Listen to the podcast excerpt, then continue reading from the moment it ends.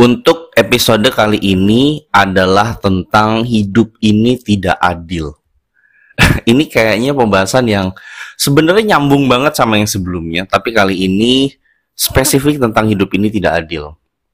Yang di mana kalau lo buka di internet, lo ngobrol sama psikolog, lo ngobrol sama motivator, mereka akan memberikan pencerahan tentang ini banyak banget bahannya di internet, di artikel, di video, di podcast tuh banyak banget tapi gue ngerasa kayaknya gue sih ya ngerasanya belum ada satu spesifik yang mendedikasikan pembahasan tentang hidup ini tidak adil pada bagian lu mencurahkan perasaan itu gitu. Karena karena kenapa gue bikin episode ini itu sebenarnya gue menyadari bahwa banyak banget orang yang ketika menumpahkan kesalnya dia itu dia curhatnya ya entah di Twitter pakai akun odong-odong eh obong-obong gitu ya akun nggak jelas dia atau dia curhat di mana sekarang di TikTok mungkin atau dia curhat di Instagram mungkin. Itu yang menjurus ke arah kok hidup ini nggak adil banget ya buat gue gitu. Kenapa gitu? Kalau misalnya lo tanya ke gua apakah ini akan membahas gimana sih sebenarnya kita menyimak menyikapi itu gitu ya ya itu lo tinggal buka aja lah motivator favorit lo gitu ya. Karena lo nggak akan pernah menilai podcast gue ini sebagai sebuah motivasi kan. Tapi di sini justru gue bukan mengiyakan atau menormalisasikan atau membuat itu jadi hal yang wajar tidak. Cuma gue pengen di podcast kali ini ketika lo mendengarkan ini kalau lo lagi nyetir ya lo berhenti dulu ya. Bahaya soalnya nih. Uh, kalau lo lagi senggang kalau lagi santai coba lo meramin mata lo pejemin dulu mata lo deh gitu ya. Terus lo bisa membayangkan beberapa momen-momen yang membuat lo kesel banget yang membuat lo sampai merasa bahwa ah gila sih hidup ini nggak adil banget sih buat gue gitu. Ah gila sih gua lo yang kerja keras selama ini. Gua lo yang udah berusaha semaksimal itu tapi kenapa justru malah ke gua kenanya sih? Gak adil banget. Dia yang gak ngapa-ngapain justru aman. Gak adil banget ini buat gua atau kalimat yang uh, yang lumayan sering kejadian itu kayaknya uh, salah satunya adalah soal pekerjaan sih. Itu sering banget gitu Terus atau kalau soal hubungan tuh biasanya merujuk ke arah perselingkuhan. Yang kayak gua loh yang nemenin dia gue yang terima dia apa adanya dari awal dia yang nggak punya apa-apa. Bahkan gue nemenin dia di saat dia punya hutang yang banyak. Gue bantu gimana caranya gue motivasi kita kerja keras bareng-bareng. Sampai sekarang berada di titik baik di titik yang sangat bagus. Tapi ternyata kehadiran seseorang itu menghancurkan segalanya. Gak adil banget hidup ini buat gue kenapa sih ketika gue yang lagi berusaha gitu lu nempel tapi ketika semua udah sukses lu pergi aja gitu ninggalin gue yang kayak gitu kan salah satu contohnya ya. Dan contoh apa lagi ya kalau contoh soal pekerjaan tuh sebenarnya kayak tadi misalnya. Atau atau kalau misalnya lu ngelihat temen eh, nggak uh, teman berarti ya kolega ya karena kan lu ngejulitin di belakang. Perasaan yang muncul ini sebenarnya ke ke lo ya. Kalau lo ngomongin sama orang lain jadinya julid kan. Tapi lo kesel-keselnya sampai kayak ngerasa gua yang setiap hari paling pagi ibaratnya. Gue yang kerja keras berdarah-darah tapi semua kreditnya tuh diambil ke dia. Gue yang udah mensumbang sih menyumbangkan kontribusi gue gede banget di perusahaan ini. Kenapa sekarang malah gue yang kena PHK kenapa malah sekarang gue yang kena dirumahkan? Dengan segala alasan gak jelas lo itu. Dia loh dia yang harusnya terlibat. Nggak apa-apa tuh. Kenapa sekarang malah dia yang harusnya terlibat gue yang nggak terlibat? Kalaupun terlibat lu libat-libatin doang. Lu cari segala macam kesalahan untuk merumahkan gue. Gadil banget hidup ini. Momen itu yang pengen gue dedikasikan di podcast ini adalah ini bagusnya sih lo lakuin sendiri terus lo pejamin mata lo cari momen yang membuat lo sekesel itu. Dan kalau banyak itu justru baik menurut gue itu lo keluarin gitu. Terlepas lo mengeluarkan itu ke pasangan lo ke suami lo ke istri lo ke orang tua lo ke kakak lo ke adik lo atau sendiri. Kalaupun bahkan ternyata lo sendiri lo yang biasa memendam semuanya sendiri gitu ya kalau memang ada yang masih mengganjal lo keluarin lo keluarin Kenapa dikeluarin? Karena dengan lo mengeluarkan, lo tahu titik mana yang membuat lo kesel, momen apa yang membuat lo emosi, siapa orang yang membuat lo dongkol. Ada pasti di momen itu antara kapannya, apanya, dan siapanya, dan atau siapanya, itu selalu akan ada dan siapanya ini memang terkadang merujuk ke satu orang tertentu gitu. Kayak lu benci boleh benci sama gue. Kalau emang lu punya masalah masalah sama gue aja udah. Jangan teman-teman gue lu libatin, jangan teman-teman gue lu labas, lu habisin teman-teman gue. Kalau emang lu bencinya sama gue, lu marahnya sama gue, lu tebas gue jangan orang-orang sekitar gue yang nggak terlibat. Masalah ini lo tebas juga. Itu nggak adil men. Kan kayak gitu ada ya? Ada banyak menebas dalam posisi menebas ini maksudnya bukan pakai pedang beneran enggak. Maksudnya adalah dalam kondisi misalnya dibuat musuhan atau dibikin dicari-cari segala macam kesalahan gitu-gitu. Karena karena dedikasi ini adalah supaya supaya lo apalagi lo yang terbiasa memendam semuanya lo keluarin gitu nggak apa-apa kok. Gue gak menyuruh lo ngeluarin di curhat di sosial media enggak kayak sekarang aja kalau lo lagi di kamar lo lagi sendiri lo dengerin. Lo pikir-pikir lo bayang-bayang lo keluarin gitu. Kalaupun akhirnya terkeluar kata-kata buruk gitu ya karena saking emosinya ya udah keluarin aja gitu. Karena salah satu yang katanya metode yang baik tanda kutip karena gue nggak tahu ini beneran baik atau enggak gue hanya pernah mendengar dan baca itu dengan lo mengeluarkan itu maka emosi yang terpendam saat itu juga di momen itu terkeluarkan juga gitu. Membuat tuh jadi jauh nggak jauh sih sedikit lebih lega. Gue di sini nggak nggak akan men, me, apa namanya ya menasehati supaya lo enggak gitu karena gue banyak di momen ini juga di podcast ini juga ketika gue ngomong kayak gini gue tuh sebenarnya ngajak lo karena karena belakangan ini gue lagi mengeluarkan itu gitu kayak gadil banget Gua loh baru mulai perjalanan ini. Baru berada di fase yang enak. Kenapa tiba-tiba banyak banget perubahan yang justru yang enak-enak inilah yang kena gitu. Kenapa gitu? Kayak ngerasanya kok kayaknya nggak ngizinin banget gue untuk menikmati suasana yang nyaman untuk waktu yang lama dibanding sama orang lain yang yang bisa betah bertahun-tahun dan dia bisa menikmati dengan suasananya dengan nyaman tidak pernah ada perubahan di sana gitu. Tapi gua baru juga mulai. Setahun aja belum dua tahun aja belum tahu-tahu semuanya udah berubah. Kan rese gitu. Itu adalah salah satu curhatan gue.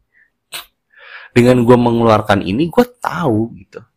Oh ternyata ini nih momen yang mengganjal gue nih sebenarnya gitu dan dengan ini juga ketika lo tahu ini kalau lo bingung mau ngapain ah ini saatnya lo cari tuh motivator-motivator kesukaan lo tuh ya motivator siapa pun dia atau tokoh publik atau ustadz atau siapa kalau lo bukan agama muslim berarti mungkin pendeta atau siapa tokoh agama gitu ya atau siapa psikolog favorit lu hubungin silahkan.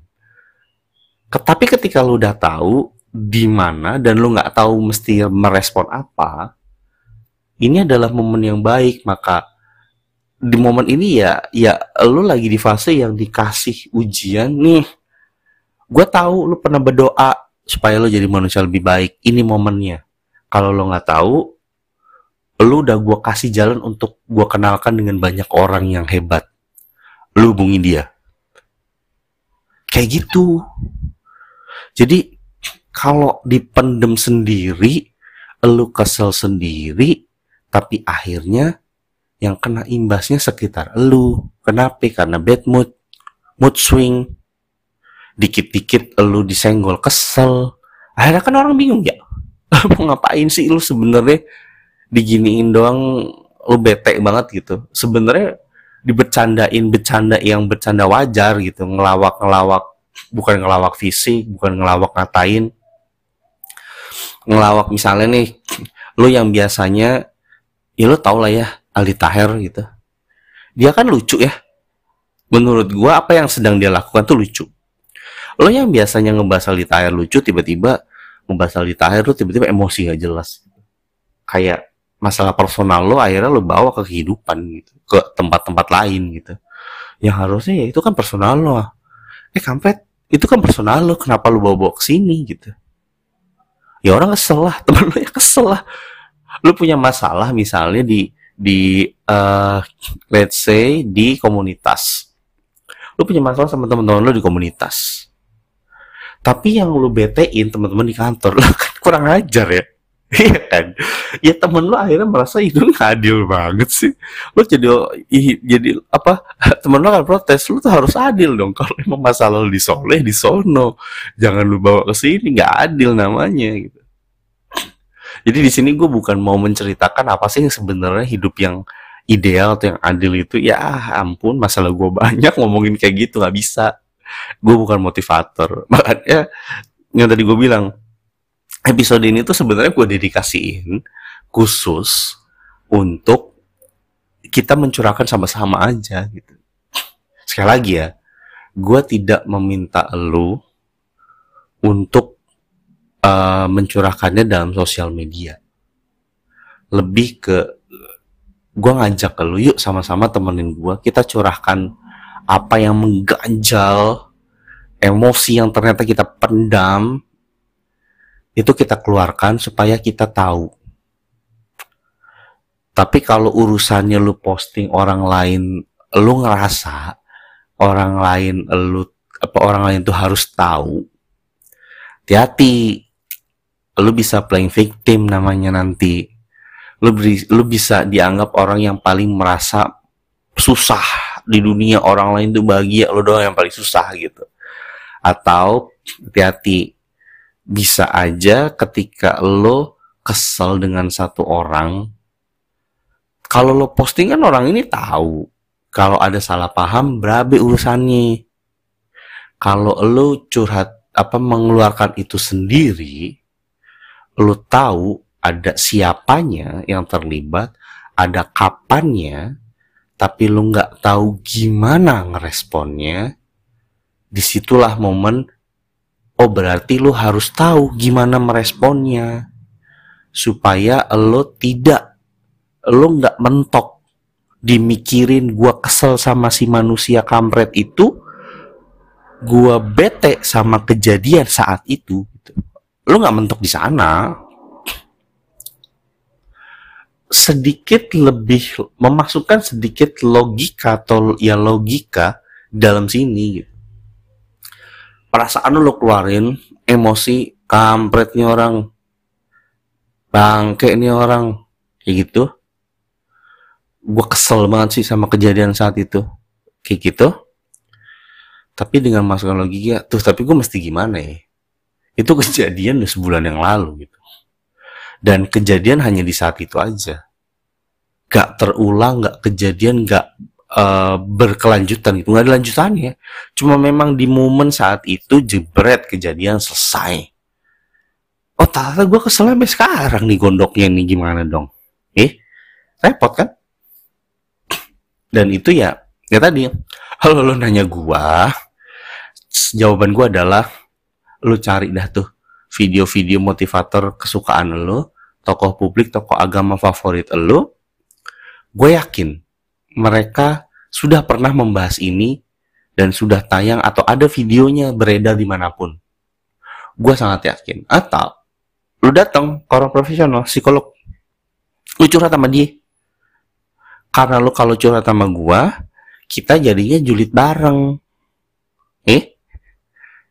Atau kalau lu curhat sama gua, lu curhat sama teman lo, antara dia ngeluarin kesel yang sama, atau dia hanya jadi pendengar. Yang sebenarnya lebih bagus dia bisa jadi pendengar doang ya.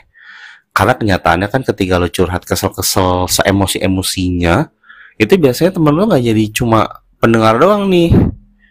Tapi tiba-tiba dia ikutan kesel, dengan kejadian dia yang lain gitu.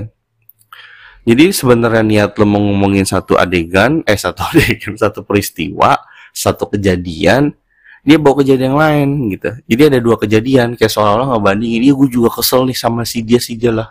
Lah kampret, gue tuh lagi nyeritain gue, kampret, kenapa lu ikutan gitu. Kayak gitu sih. Jadi sebenarnya proses ini tuh nyambungnya banyak banget. Tapi yang mau gue spesifikkan adalah di episode ini kalau lo lagi di kamar kalau lo lagi nyetir minggir dulu berhenti dulu ke pom bensin misalnya atau di rest area merem aja. Nggak perlu waktu lama kok gitu. Mungkin satu menit doang. Lo merem lo bayangin apa sih sebenarnya yang lo ngerasa ganjel sama siapa? Lu cari siapa manusia yang lu kenal yang bikin lu kesel? Lu cari kapan dan apa peristiwanya itu lu cari.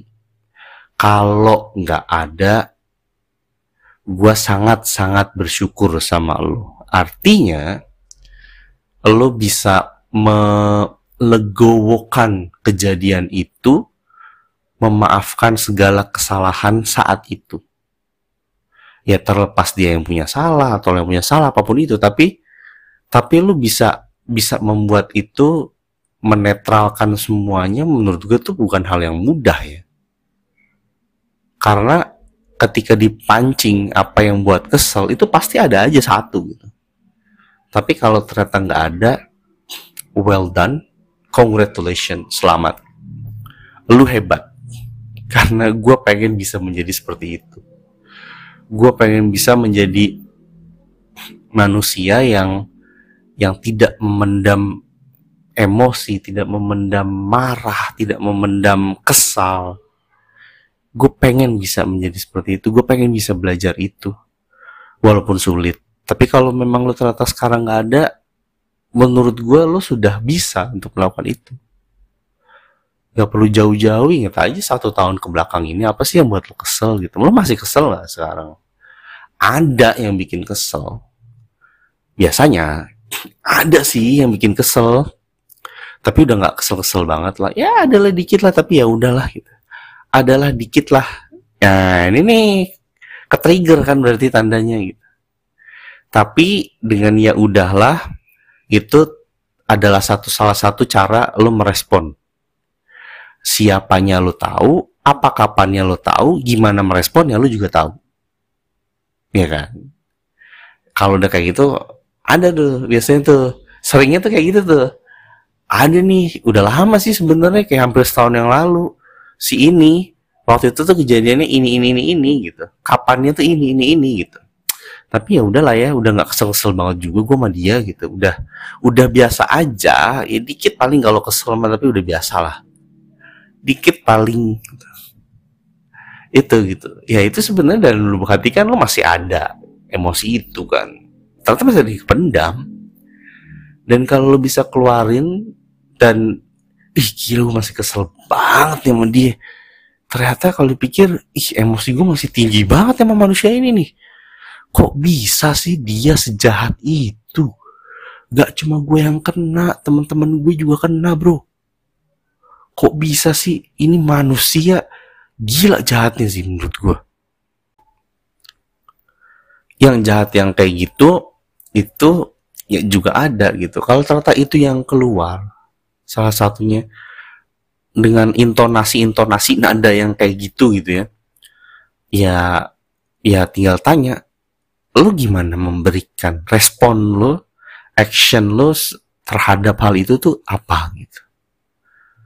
Kan balik lagi ya mau nggak mau hidup harus terus berjalan gitu. Kayak di episode sebelumnya gitu. Waktu tidak akan berhenti satu detik pun untuk lu menangis untuk lu menunggu lu selesai tertawa menunggu lu selesai menangis menunggu lu selesai marah. Waktu tuh nggak akan berhenti sama sekali di jalan terus. Bodoh amat mau lu marah-marah dua minggu terserah. Waktu akan terus jalan. Terabas saja udah pokoknya dia mah. Ya kan? Jadi ya ini sebenarnya episode yang yang dua episode dari yang kemarin dan sebelumnya ini gue dedikasikan untuk untuk lo yang terbiasa memendamkan perasaan sebenarnya. Yang lo sulit untuk keluarkan bahkan di depan sahabat lo sendiri bahkan mungkin di depan pasangan lo sendiri. Lo sulit buat ngeluarin itu. Dan di sini adalah dedikasi untuk lo mengeluarkan untuk lo sendiri ketika lo bisa melakukan itu gue sangat yakin ketika lo berdoa dengan Tuhan atau ketika lo sedang bermeditasi gue gak ngerti ya. Ya apa pun agama yang lo percayai kepercayaan yang lo pegang buat yang muslim kayak gue ketika gue bisa mengeluarkan emosi-emosi ini maka di dalam doa juga gue bisa curhat gitu. Gue bisa minta petunjuk gimana sih gue harus bersikap dengan masalah kayak gini? Di situlah ya gue sangat percaya ya kekuatan doa gitu, the power of do, doa gitu ya. Kalau ada tuh bukunya atau artikel ya gue lupa, the power of doa, kekuatan dari sebuah doa gitu, yang yang sulit untuk dijelaskan sama sekali itu sesulit itu gitu untuk dijelaskan kemampuan doa gitu, ke apa powerfulnya gitu. Tapi anyway, kan tadi gue bilang di podcast ini gue berapa kali tadi gue bilang? Dua kali tiga kali. Kalau lo nggak tahu lo jangan nanya gue karena kalau lo datang ke gue lo curhat gue akan berusaha hanya untuk mendengarkan aja. Itu aja susahnya setengah mati dengerin cerita karena akan ada perasaan gue pengen cerita juga nih ternyata nih gue gitu. Jadi kalau lo bingung lo buka YouTube lo buka uh, Spotify Noise apa pun itu lu cari favorit lu motivator favorit lu tokoh publik tokoh agama favorit lu atau lu cari artikel dari website favorit lu atau mungkin kalau ada bukunya lo coba cari lo beli bukunya lo baca karena kalau lo merujuk dengan orang yang lo kagumi gue sangat yakin itu akan lebih memberikan efek lebih mantap ke lu daripada lu ngomong ke stranger kayak ke gue gitu. Lu curhat ke gua, kita nggak begitu deket atau kita baru kenal, gua lu minta nasehat, gue coba kasih, akhirnya lu nggak dengerin, ngapain gitu ya? Karena kita nggak akan deket-deket apa, tapi kalau dia adalah orang yang lu kagumi banget, gitu, misalnya tokoh publik atau tokoh agama, satu buah video itu akan jauh lebih powerful satu buah video yang mungkin hanya satu dua menit atau mungkin lima menit 5 menit video dia akan jauh lebih powerful daripada ocehan gua satu jam ketika lu meminta respon dari gue gitu. Menurut gua itu jauh lebih powerful kayak gitu. Alasan lainnya adalah karena hidup gue juga banyak masalah, Mas Bro. Gua curhat di sini, di podcast ini adalah bentuk gua curhat. Di podcast ini adalah bentuk gua ngajak lo supaya gua nggak sendirian ngelakuin curhatan ini. Gitu. So, anyway, thank you, thank you. Terima kasih sudah mau singgah, terima kasih sudah mau mendengarkan. Semoga di episode ini kita bisa meluapkan, kita bisa mencari tahu apa yang bikin kita kesel. Jadi semoga dengan dengan kesadaran itu kita bisa berubah atau kita bisa bersikap untuk menjadi lebih baik lagi. So, thank you very much for singgah. Thank you very much for listening. Sampai jumpa di episode selanjutnya. Bye bye.